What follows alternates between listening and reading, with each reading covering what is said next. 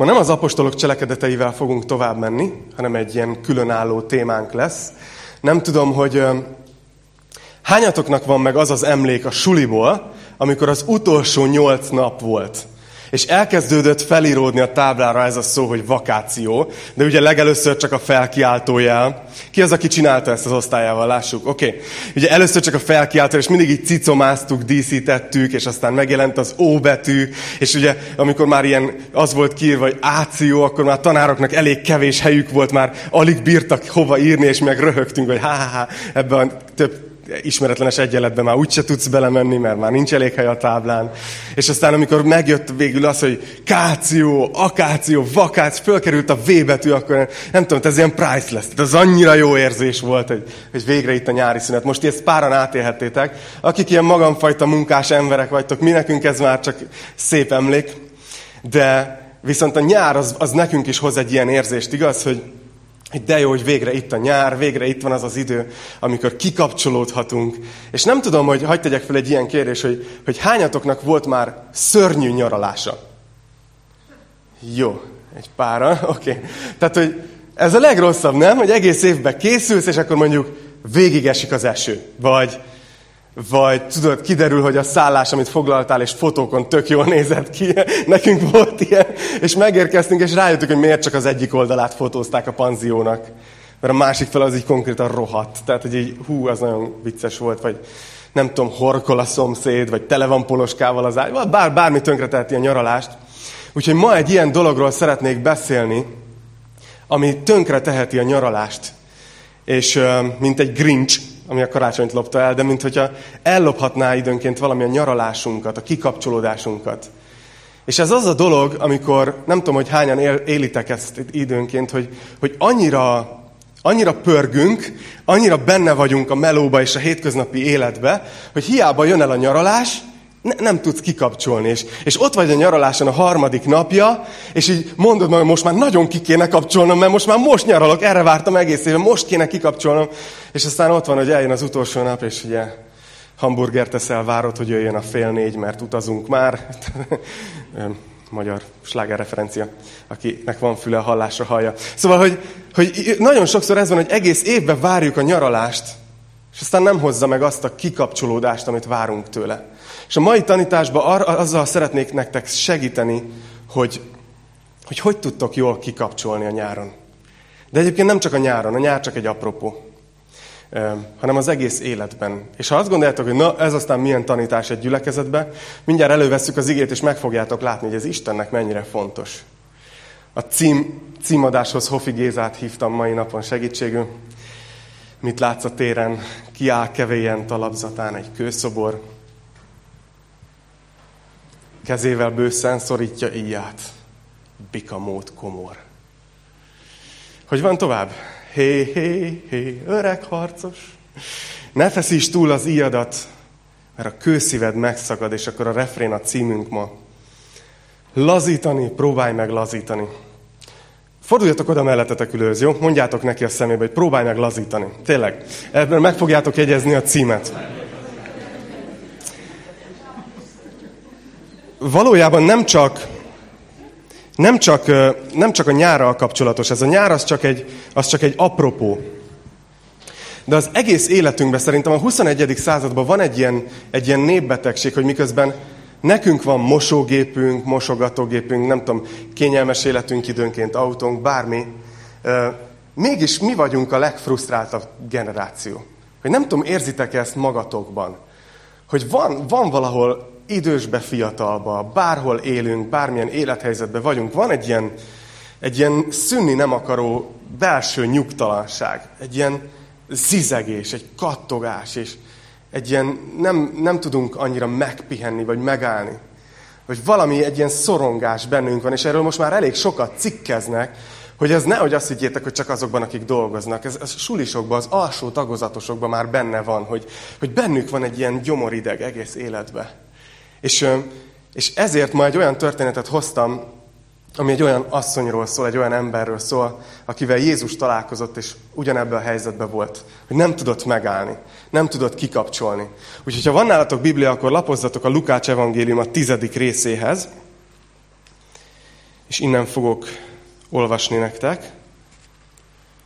Lukács evangélium a tizedik része, és a 38. verstől fogjuk fölvenni a fonalát.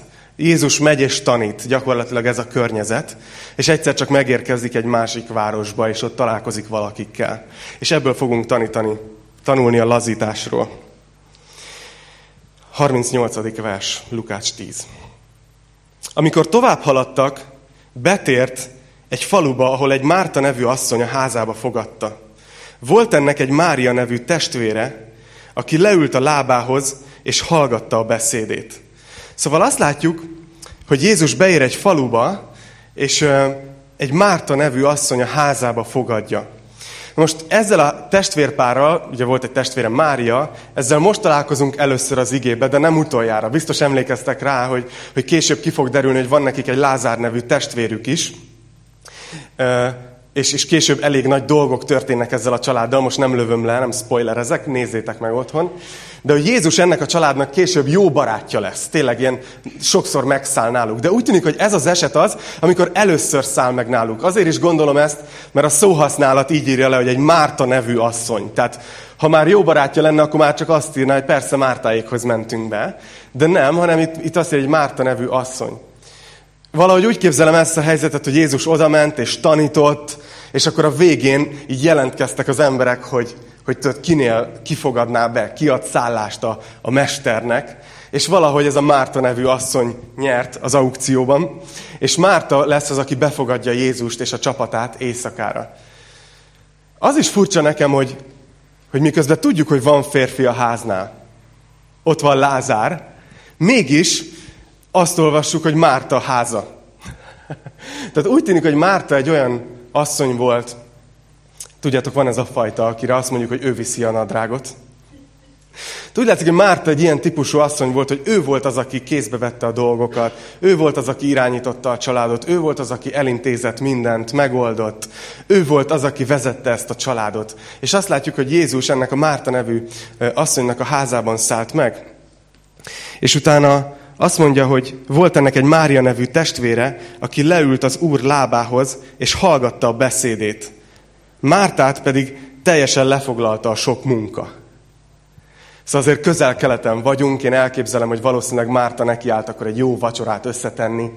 Tudjátok, ez sok dologból fakadhatott. Lehet, hogy azért, mert tudod, hát azért mennyire jót tanított Jézus, azért csak akarok neki kedveskedni egy jó vacsorával. Úgyhogy Márta megy és, és csinálja a vacsorát, vagy, vagy lehet, hogy úgy volt vele, hogy az egész környéken mindenki tudja, hogy én vagyok a legjobb háziasszony, Úgyhogy, úgyhogy most is kiteszek magamért, és egy jó vacsorát csinálok. Vagy, vagy lehet, hogy egyszerűen az volt, hogy tudod, ezek annyit utaztak, ezek az emberek, biztos máshol mennyire jókat ettek, úgyhogy itt se fogjuk kiszúrni a szemüket egy rántottával. De nem tudjuk pontosan, hogy, hogy mi, de azt látjuk, hogy amint hazaérnek, Márta így eltűnik a konyhában, és teljesen lefoglalja a sok munka, és így dolgozik, mert ő az, aki pörög, tudjátok, ő az, aki megoldja a helyzetet, ő az, aki nem tud lazítani.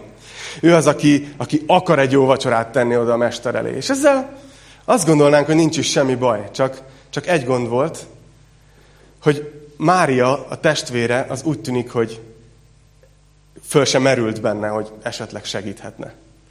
Nem tudom, hányan éltétek már ezt háziasszonyok át, amikor nagyon szeretnétek valamit elvégezni a házba, és valahogy a többi tagjának a családnak valahogy föl sem merül, hogy esetleg ez csapatmunka is lehetne.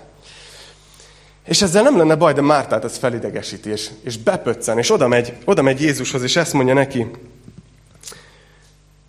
Ezért oda jött, én úgy képzelem el, hogy így sodrófa az egyik kezébe, konyharuha a másikba, én így, így Márta így megjelenik a nappaliban. Szóval oda jött, és így szólt, Uram, nem törődsz azzal, hogy a testvérem magamra hagyott a munkában? Mondd hát neki, hogy segítsen. Látjátok, hogy, hogy ez a, ez történik, hogy Mártát teljesen lefoglalja a munka, Mária csak ott ül és hallgatja Jézust, mert Jézus egész nap tanított, gondolom, de még tanít, még beszél. És egyszer csak Mária megjelenik, és azt mondja, hogy nem törődsz azzal, hogy a testvérem magamra hagyott. Hogy én pörgök, és csinálnám, és jót akarok, de teljesen egyedül vagyok. Látjátok, mennyire frusztrált Márta belülről? És, és azt várnánk valahol, nem, hogy Jézus, mint úriember, azt mondja, hogy ó, ó, ó, persze, persze, bocsánat, én tartottam fel, de Mária, tényleg menjél. Segíts a testvérednek, tudod, csapat vagytok. Úgyhogy hajrá. Valahol ezt várnánk, hogy Jézus így azt mondja, hogy ja, ja persze, menjél, segíts. Gyerünk Mária, ne legyél lusta. De Jézus nem ezt csinálja. Hanem ehelyett egy teljesen más dolgot kezd el csinálni. Figyeljétek meg, hogy a következő mondata annyira néha, néha idegesítő ez, ez a dolog, amit csinál, hogy, hogy ő így belelátott az emberekbe, és tudta, hogy mi van belül. És elkezd arról beszélni, hogy mi van Mártában belül. Hogy mit, mit látunk, hogy miért, miért kattog annyira. És ezt mondja, hogy Márta, az úr azonban így felelt neki, Márta, Márta, sok mindenért aggódsz, és nyugtalankodsz. Aucs. Szóval, hogy a felszín az az, hogy Márta az, aki nem lusta. Márta az, aki, aki vendéget akar fogadni, aki jó háziasszony, aki kedveskedni akar, akinek a kezében elintéződnek a dolgok, és haladnak a dolgok, ugye? Ő az, aki nem hagyja el a, a, leesni a földre a, a tányérokat, hanem, hanem pörgeti, pörgeti. És Jézus azt mondja neki, hogy Márta, Márta, sok mindenért aggódsz, és nyugtalankodsz. Jézus elkezd arról beszélni, hogy mi van Mártában. Márta, te sok mindenért aggódsz, és nyugtalankodsz. Nem lehet, hogy azért pöröksz ennyire? Mert belül ott van egy ilyen, egy ilyen aggódás, egy ilyen nyugtalanság. És azt mondja, hogy pedig, pedig valójában csak egyre van, pedig valójában kevésre van szükség, csak egyre. Mária a jó részt választotta, amit senki nem vehet, amit nem vehetnek el tőle. Szóval látjátok, hogy mi történik itt? Hogy, hogy Márta, aki, aki halad és pörög, megkapja Jézustól, és sok mindenért aggódsz és nyugtalankodsz. Talán azt gondolod, hogy majd ebből kapsz valamit. De ehelyett azt látjuk, hogy, hogy Mária választotta azt a dolgot, amit nem lehet tőle elvenni.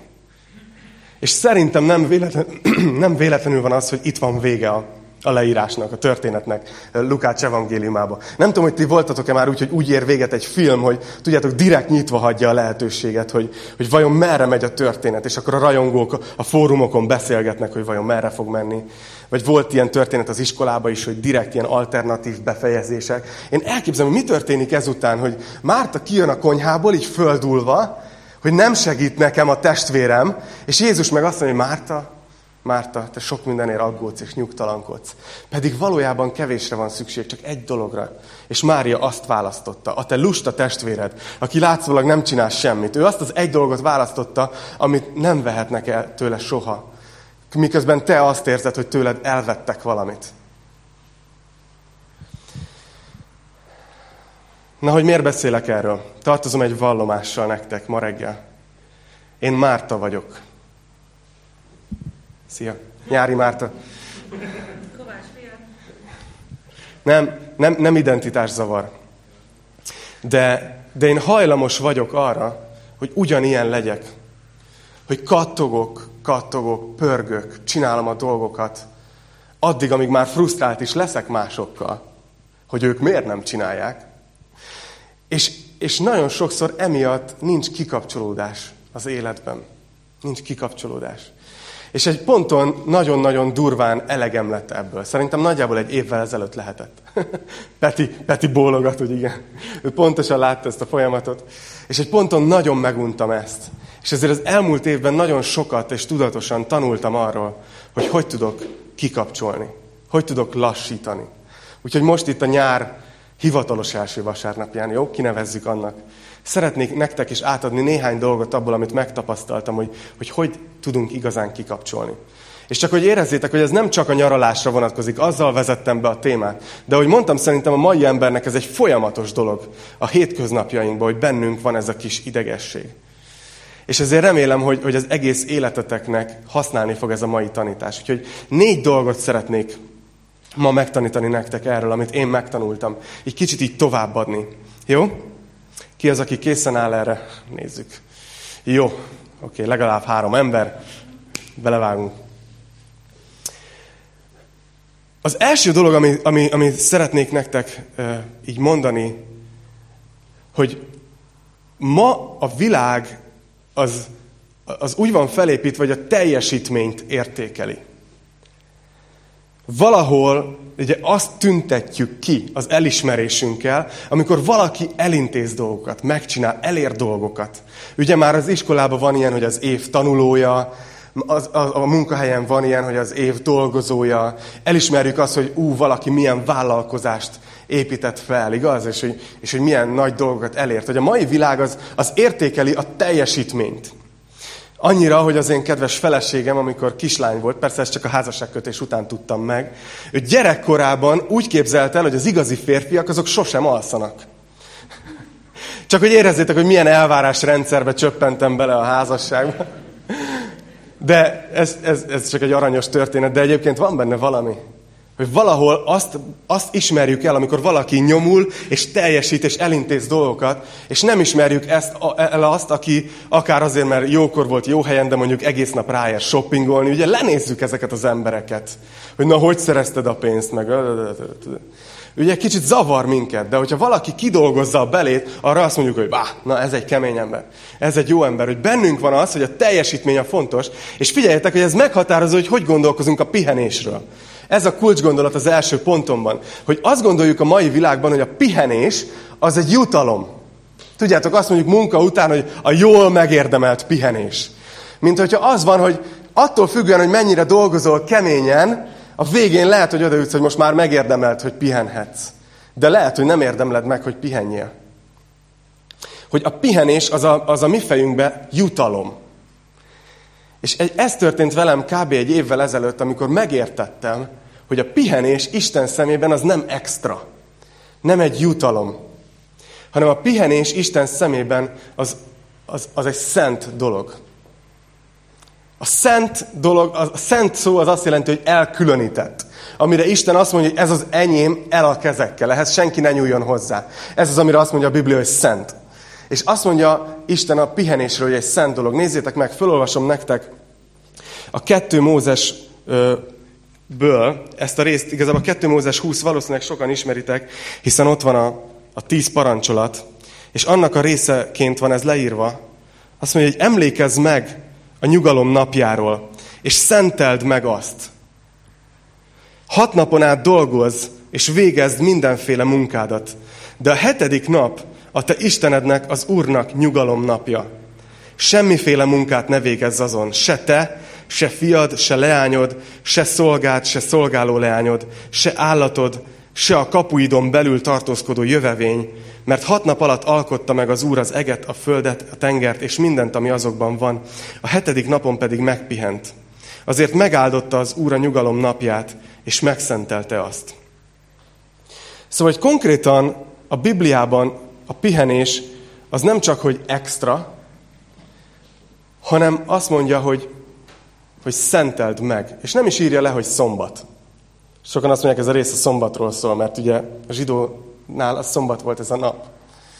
De végig úgy beszél róla, hogy a nyugalom nap. Az az, amire nekünk szükségünk lenne, nem? Egy kis nyugalomra az életünkre, egy kicsit több nyugalomra.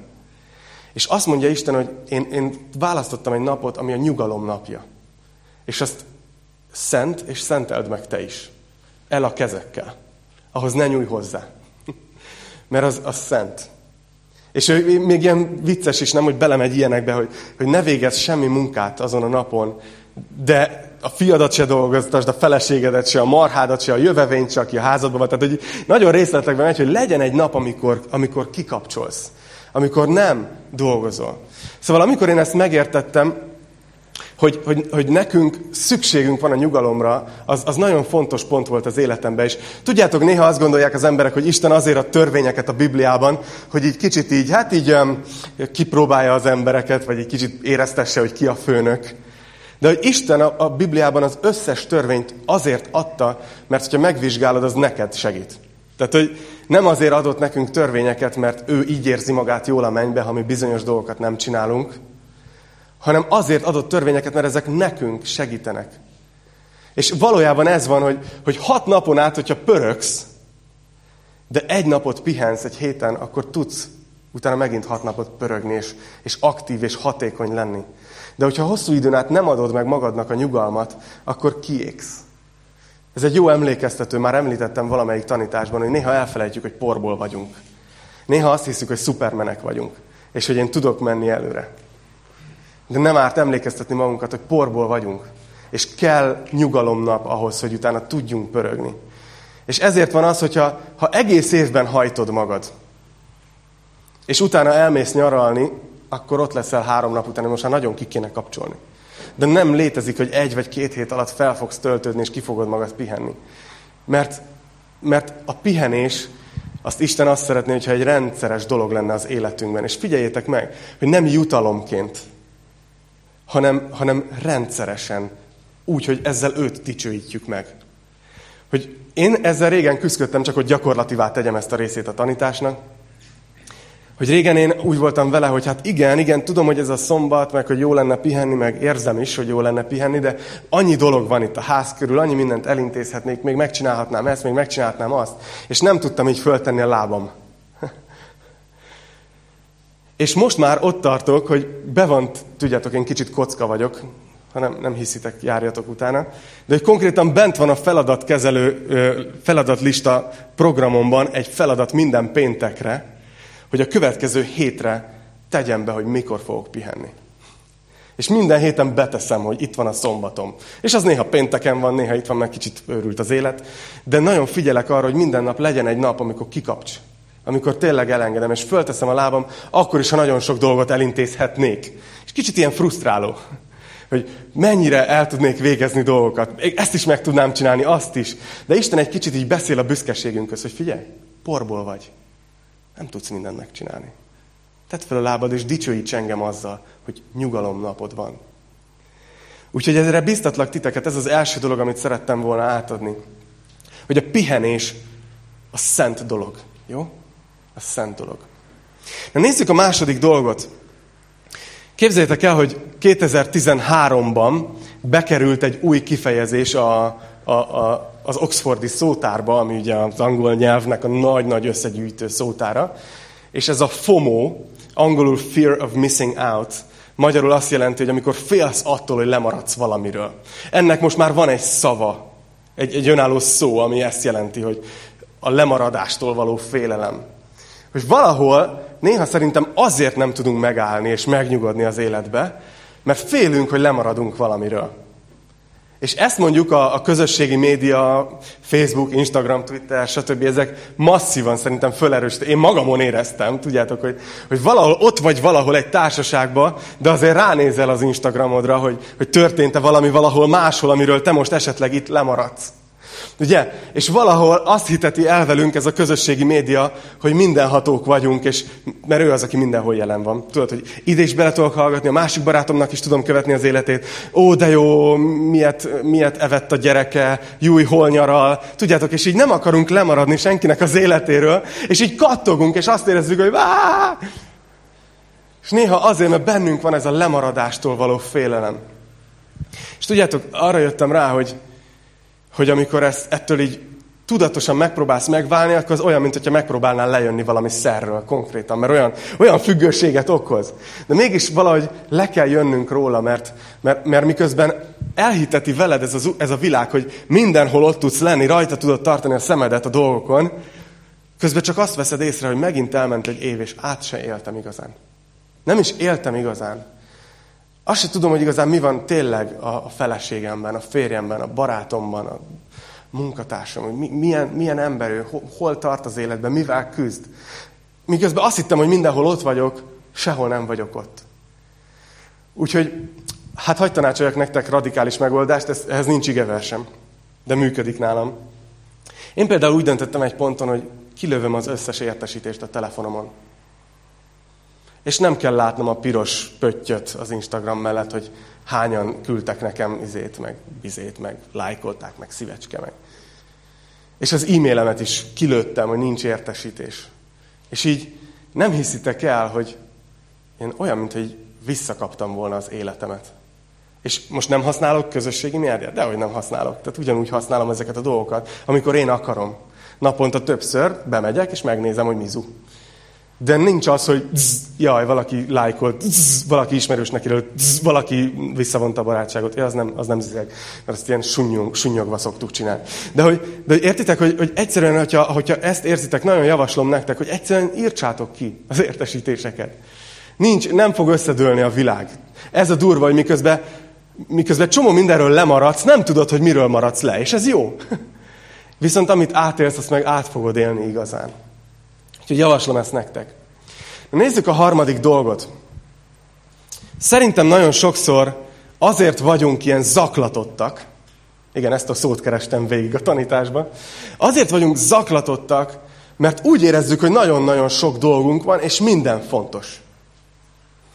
Nem tudom, hogy ti milyen életet éltek, nálunk úgy van, hogy ja, ők is meghívtak, ők is meghívtak, vissza kéne jelezni. Igen, de őnek jön a szülinapja, venni kéne valamit. És mikor lesz a buli, meg kéne szervezni. Jaj, de várjál, jövő héten utazok, ezt kell csinálni. Jön a munkám, jaj, és a ház körül ezt kéne befejezni, és azt kéne befejezni. Jaj, és vele is megígértem, hogy leülök majd egyszer, és, és egyszerűen úgy érzem, hogy áh, nagyon sok dolgom van. Nagyon sok, amit kéne csinálnom, és úgy érzem, hogy minden fontos. Hogy minden fontos. És tudjátok, arra jöttem rá az elmúlt egy évben, hogy amikor azt gondolod, hogy minden ugyanolyan fontos, akkor valójában semmi se fontos. Mert gyakorlatilag nincsenek prioritásaid. Nincs felállítva, vagy mi az, ami tényleg fontos. Fontossági sorrend az életünkben. Például két kérdés, ami lehet, hogy most így hallgatod ezt, és azt mondod, hogy mit tudom én, hogy mi a fontossági sorrend, próbálok túlélni minden héten. Ha tudni akarod igazán, hogy mi a fontos, akkor tedd fel ezt a kérdést, hogy, hogy mi az, amire időt szánsz. És mi az, aminek a figyelmedet adod osztatlanul. Mert azok a dolgok fedik fel igazán, hogy, hogy mi a prioritás. És néha a keresztények elmennek bizarr irányokba, és azt mondják, hogy jaj, jaj, jaj, Hát nekem, nekem, nekem első az Isten, második a család, vagy most a családnak kéne első helyen lenni, és Isten a második. Tudjátok, és gondolkozunk, hogy mi a helyes sorrend, de hogy valójában Isten szemébe az a helyes, hogy azt mondja, Jézus beszél erről a Máté evangéliumában, azt mondja, hogy keressétek először az Isten országát. Máté 6-ot olvassátok végig úgy, ahogy van. Szóval, hogy keressétek először az Isten országát, és minden más megadatik. De hogy amikor például te a családod papja vagy, kedves uraim, amikor a családunk papjai vagyunk, és, és foglalkozunk a rábízottakkal, pásztoroljuk a családunkat, akkor gyakorlatilag Isten tesszük az első helyre ezzel. Mert ő erre hívott el minket. Amikor például tudod, nem vállalsz ultra sok túrórát, hanem, hanem azt mondod, hogy adom az osztatlan figyelmet a családomat, akkor ezzel gyakorlatilag Isten teszed az első helyre. Amikor otthon ülsz az ebédlő asztalnál, és tudatosan a telefont ott hagyod az előszobába, és nem fogod megnézni, hogy a Facebookon hányan lájkolták a legújabb jégkrémes fotódat, akkor gyakorlatilag Isten teszed az első helyre, mert azokkal töltesz időt, akik rád vannak bízva. Hogy látjátok, a fontossági sorrend az életünkben nagyon fontos. Jézus még ilyet is mondott ugyanott a Máté 6-ban, egy kicsit korábban, hogy, hogy nem szolgálhattok két úrnak. Nincs olyan ember, aki tudna egyszerre két dolognak ugyanazzal a prioritással szolgálni. Nincs két dolog, ami ugyanannyira fontos lehetne. Szóval nem szolgálhattok két úrnak, nem szolgálhattok egyszerre Istennek, Istennek és a pénznek. Ilyen, ilyen dolgokat mond Jézus. Tehát ő is beszél arról, hogy nagyon fontos, hogy a prioritás az helyén legyen az életünkben. És a prioritásokkal az jön, a fontossági sorrenddel, sajnos nincs más módja, mivel nincs 48 óránk, meg nem tudom mennyi egy napban, csak úgy lehet ezt a prioritás sorrendet, ezt a fontossági sorrendet megőrizni az életünkbe, hogyha megtanulunk nemet mondani. Na ez a legnehezebb dolog a világon. Nem tudom, hogy tudjátok-e. Hogy annyi jó dolgot csinálhatnék, nák, nék. De úgy döntök tudatosan, hogy ez, ez most nem fog beleférni. Nem azért, mert rossz ember vagyok, nem azért, mert nem szívesen csinálnám, hanem mert vannak fontossági sorrendjeim. Amikor kezdtem dolgozni, akkor ezzel nagyon sokat küzdöttem, mert én egy kicsit perfekci... Jó, tehát perfekcionista vagyok. Az azt jelenti azoknak, akiknek szótár kell az ilyen magamfajta csodabogarakhoz, hogy, hogy mindent tökéletesen akarok.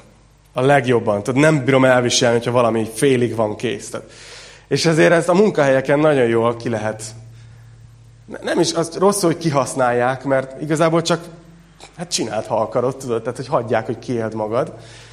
De, de emiatt nagyon hajlamos voltam arra, tudjátok, hogy sose álltam meg, hanem még hazavittem a melót, és otthon is csináltam, és hétvégén is csináltam, mert, mert tökéletesre akartam. És emlékszem, amikor elkezdtem ezt gyakorolni, hogy, hogy mondjuk tényleg egy bizonyos pont után azt mondtam, hogy nem baj, ha mindenki más túlórázik, én, én a magam részéről nem fogok.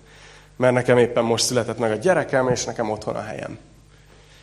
És, és emlékszem azokra a tekintetekre, amit kaptam először. De tudjátok, azóta minden egyes munkahelyemről úgy jöttem el, hogy mondták, hogy ha bármikor úgy van, akkor, akkor jöjjek vissza. Mert valahol, ami, amiből sok van, ha például annyi órát adsz a munkahelyeden, amennyit csak akarnak tőled, akkor értéktelen lesz a munkaidőd.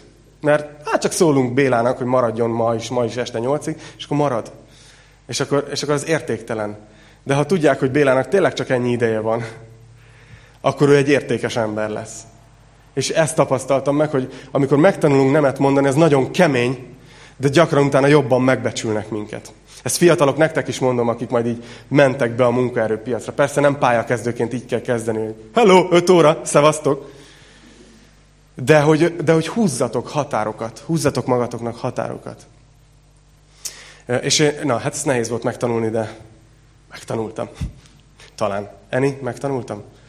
Még azért van mit fejlődni, de tegnap is lemondtam valamit. Úgyhogy, ja, erről még nem is beszéltünk.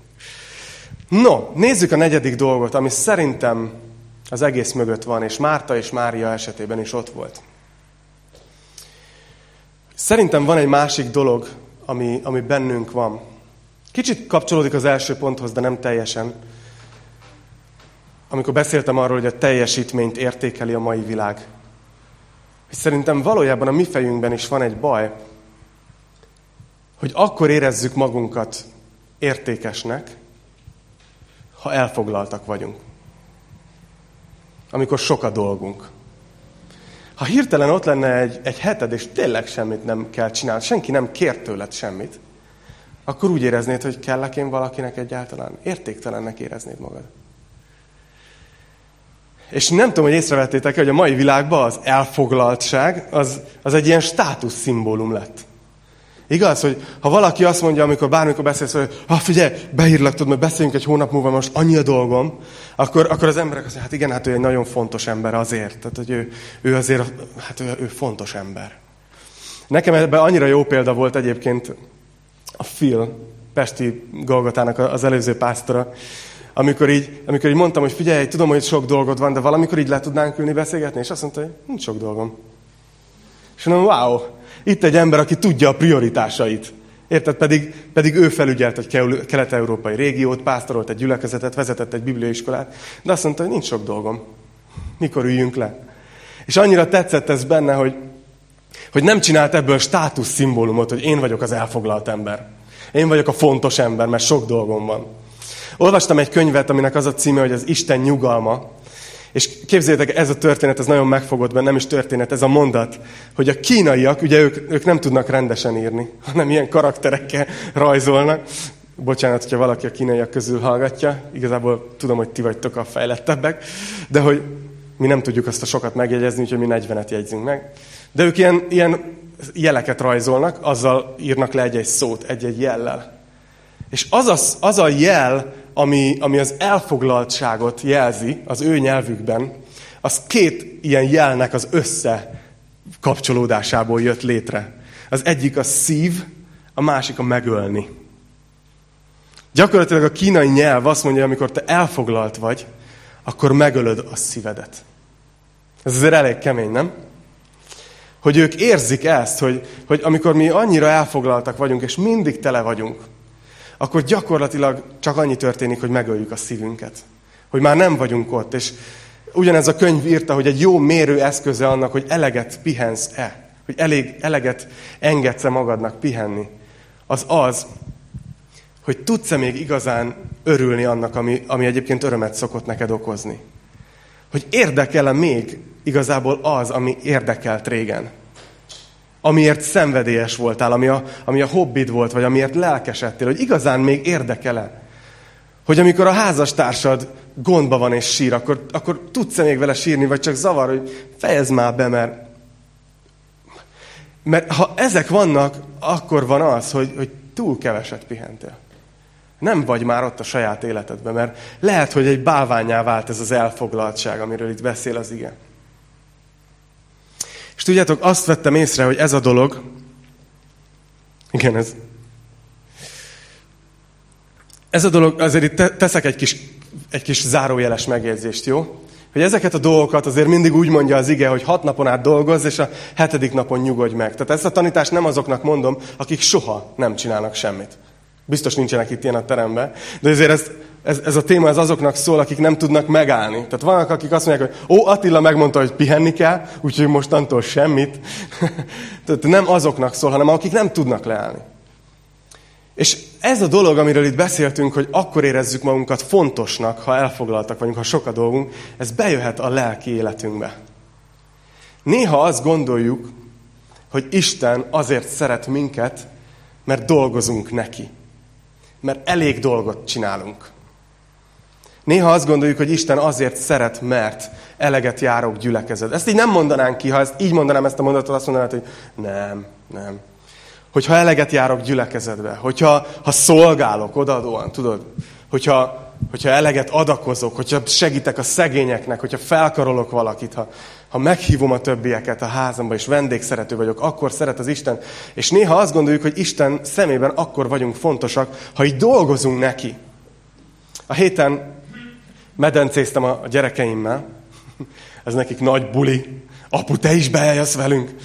De veszélyes dolog, mert Például azt mondta a kislányom, hogy apu, ez olyan óriási víz, hogy még a te hasadat is ellepi. Úgyhogy azért vigyázni kell ezek a medencés dolgokkal, de utána átmentek ebbe, a, mindig a gyerekek tudnak játszani, ugye, ez a jó bennük, és ők átmentek abba, hogy most mi vagyunk a kacsák. És tudjátok, én kicsit a tanításra készültem fejbe, úgyhogy, úgyhogy eszembe jutott ez, hogy, hogy néha a keresztények olyanok, mint a kacsák. Így rátok nézek, és nem.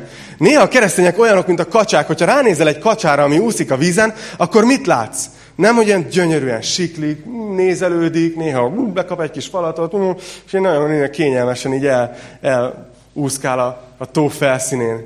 De ha benéznél a víz alá, akkor tudod, mit látsz? Hogy megy a teperés. És szerintem ez néha a keresztény életünknek egy képe. Hogy bejövünk a gyülibe, Minden rendben van az életemben, ó, nagyon szeretem az Urat. Megáldott. És közben alul meg tekersz. Amit senki nem lát.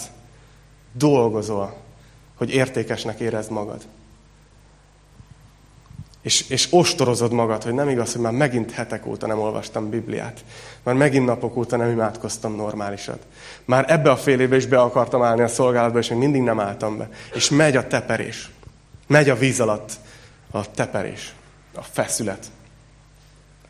És ezért vagyok meggyőződve, és ezért hagytam ezt a legvégére.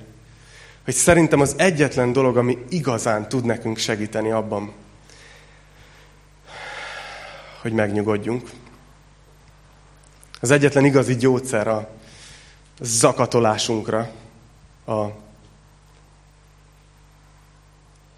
a szorongásunkra, az, a, a stresszességünkre, az az, hogyha elfogadjuk, hogy, hogy Isten tényleg úgy szeret, ahogy vagyunk.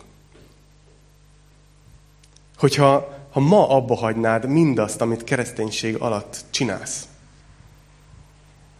akkor Istennek a szeretete egy centit nem változna meg az irányodba.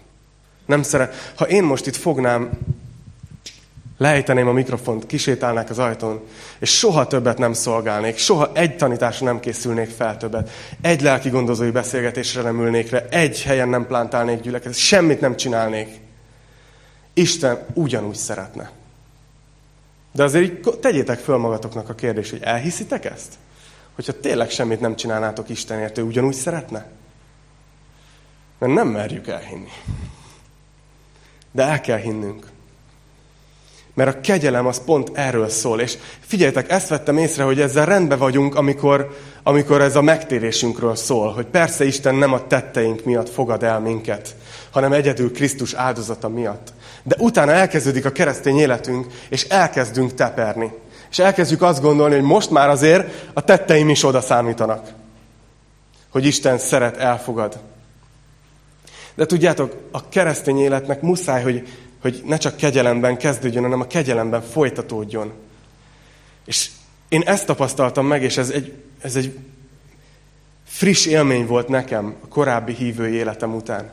Hogy amikor meg, meg elmertem először hinni azt, hogy Isten úgy néz rám, mivel Krisztusban vagyok, mivel az életemet neki adtam. Ezért Isten úgy néz rám, amikor ránéz nyári Attilára, hogy ez az én szeretett fiam, akiben gyönyörködök. Mert Krisztusban vagyok, nem a saját tetteim miatt, nem a saját királyságom miatt, mert az nincs. Bár az Adél azt mondta tegnap, hogy apu menő vagy. De ez kevés ahhoz, hogy Isten gyönyörködjön bennem. De Krisztus miatt Isten gyönyörködik bennem, hogy úgy járkálhatok az utcán, úgy mehetek holnap tud, az életbe tovább emberekkel találkozni, dolgozni, úgy mehetek ma haza, azzal a biztonság érzettel, hogy amikor Isten rám néz, akkor nem cicceg. Nem azt mondja, hogy ennyi azért, hogy lehetsz ennyire? Ilyen ember, meg olyan ember, meg hogy lehet, hogy ezzel a dologgal már ennyi ideje nem tudsz megbirkózni, és nem tudod feladni? Hogy lehet, hogy még mindig nem tudtad rászánni magadat, hogy normálisan végre végigcsinálj egy egész éves bibliaolvasási tervet? Hogy, hogy nem tudtad még rászánni magad, hogy végre abba hagyod azt, hogy a gyerekeiddel goromba vagy? Hanem Isten azt mondja, hogy én gyönyörködök benned, mert hiszel a fiamban. És tudjátok, azért mondtam, hogy gyógyszer, mert nem tagadom, hogy betegek vagyunk. Nem tagadom, hogy van, vannak gondjaink. Csak azt a furcsaságot látom a keresztény életben, hogyha ha rákoncentrálsz arra, hogy mit akarsz rendbe tenni az életedbe, akkor egyre mélyebbre fogsz belesüllyedni azokba a dolgokba. De hogyha rákoncentrálsz erre, hogy Krisztus mit tett, érted? És hogy Isten most hogy néz rád, és erre emlékezteted magad nap, mint nap, hogy ő elfogadott, akkor, akkor azok a dolgok, amikre már nem is koncentrálsz, maguktól elkezdenek kipucolódni az életünkből. És lehet, hogy ez a titka igazán annak, hogy ne zakatoljunk az életbe. Hogyha úgy járunk kelünk a világban, múlt héten már mondtam, hogy tudjuk, hogy Isten csókosai vagyunk. Hogy ő szeret, elfogadott. Ez múlt idő. Ez múlt idő.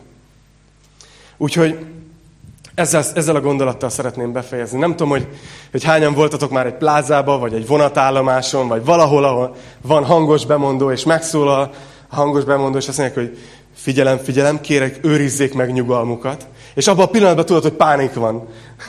hogy valami gond van. Azt mondják, hogy őrizzék meg a nyugalmukat. De remélem, hogy rátok ez a tanítás ez más hatással volt. Hogy, hogy szeretnélek titeket erre bátorítani, hogyha ha alapvetően azt mondod, hogy igen, vannak stresszesebb időszakok, de azért nem annyira vészes a te életedben. Ez a tanítás nem teljesen neked szólt. Akkor csak bátorítalak, hogy őrizd meg a nyugalmadat. Lehet, hogy vagytok páran, akik éltetek ilyen időszakokat, de az elmúlt időszak az viszont nagyon ideges volt. Szerezd vissza a nyugalmadat. Adtam hozzá négy pontot, hogy hogyan. De lehet, hogy vagytok olyanok is, akik még egyszer nem is éltétek ezt át. Ha még soha nem élted át ezt a fajta nyugalmat, akkor nagyon valószínűsítem, hogy ez azért van, mert még nem merted elhinni, hogy tényleg Isten feltét, feltételek nélkül szeret téged. És tudod, az van, hogy próbálkozhatsz még egy pár évig, mehetsz még egy pár száz kört, mint a micimackó fa körül. Már hány pár mennyét van. De nincs értelme, mert Isten kijelentette. És néha azt mondják, hogy hú Attila, ez egy ilyen, ez egy ilyen új, akkor itt mindent lehet, akkor, akkor ez, ez miről szól, hogy Isten szeret. És... De hogy nem azért mondom ezeket, mert jól hangzik. Nem azért tanítom ezt, mert, mert ezzel lehet embereket elhozni a gyülekezetbe, hogy ilyen laza tanítást nyomok. Hanem azért, mert Isten ezt az igéjében megmondta, hogy ő minket így szeret hogy mellettünk így kötelezte el magát. És amikor én ezt tanítom, és erre bátorítalak titeket, akkor semmi más nem csinálok, mint hogy nagyon komolyan veszem Istent. Úgyhogy erre bátorítalak titeket is, hogyha ha még igazán nem mertétek soha elfogadni, hogy Isten szeret titeket. Mi lenne, hogyha ma hoznátok egy ilyen döntést, hogy hú, ez nem lesz könnyű, de akkor most úgy megyek haza, hogy Isten elfogad és szeret. Mi lenne? Hm? Jól hangzik, nem? Szeretnék imádkozni veletek, és szeretnék ezért is imádkozni. Úgyhogy nem fogunk, tudom, hogy ez egy kicsit ilyen visszafogottabb gyülekezet, itt, itt nem szoktunk olyat csinálni, hogy álljon föl, aki úgy érzi, hogy szeretné, hogyha imádkoznánk érte. De, de erre kérlek titeket, hogyha tudod, hogy rólad beszéltem, hogy még soha nem tapasztaltad meg ezt a nyugalmat, akkor amikor ezt mondom, így legalább lélekbe állj fel. Vagy lélekbe tedd fel a kezed, hogy én akarom ezt. Én szeretném ma ezt megkapni. És fogok értetek imádkozni, jó? Imádkozzunk.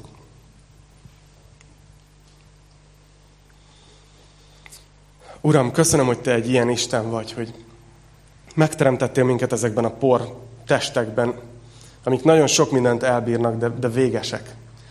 És köszönöm, Uram, hogy helyre teszed újra és újra az alázatunkat azzal, hogy, hogy tudjuk, hogy nem tudunk mindent megtenni. És köszönjük, hogy Te nem egy hajcsár Isten vagy.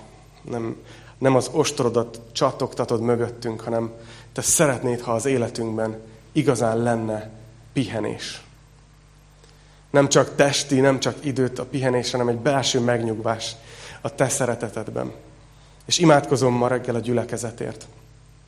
Uram, mindenki, aki hallja ezt a tanítást, hogy adj nekünk igazi nyugalmat az életünkbe. Te, aki azt mondtad, hogy jöjjetek én hozzám, minnyáján, akik meg terhelve és megfáradtatok, és én nyugalmat adok nektek. Kérjük tőled ezt a nyugalmat, Uram. Hogy ne csak nyaraláskor, ne csak nyáron, hanem hogy az életünkben legyen ott ez a, ez a nyugalom. Uram, segíts, hogy el tudjuk hinni ezt. És imádkozom most azokért, Uram, akik lélekben felteszik a kezüket, hogy ez, ez rólam szólt, és nekem szükségem van erre a nyugalomra. Imádkozom, Uram, hogy Te adja testvéreimnek egy belső biztonságot, hogy Te nem csak megmentetted őket, hanem most is velük vagy.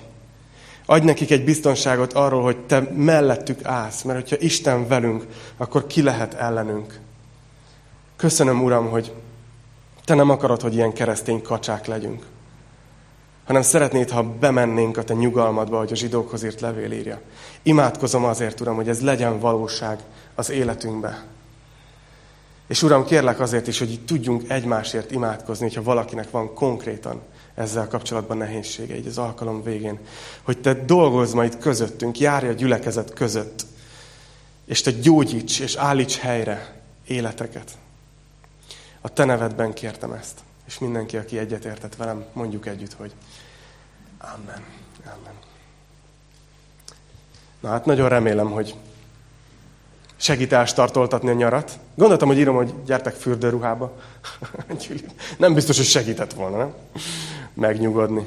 Na. Szeretnék elköszönni azoktól, akik a neten néztetek minket. Próbáljátok meg lazítani. Ez azzal kezdődik, hogy most lekapcsoljuk a streamet. Úgyhogy Isten áldjon titeket. Sziasztok!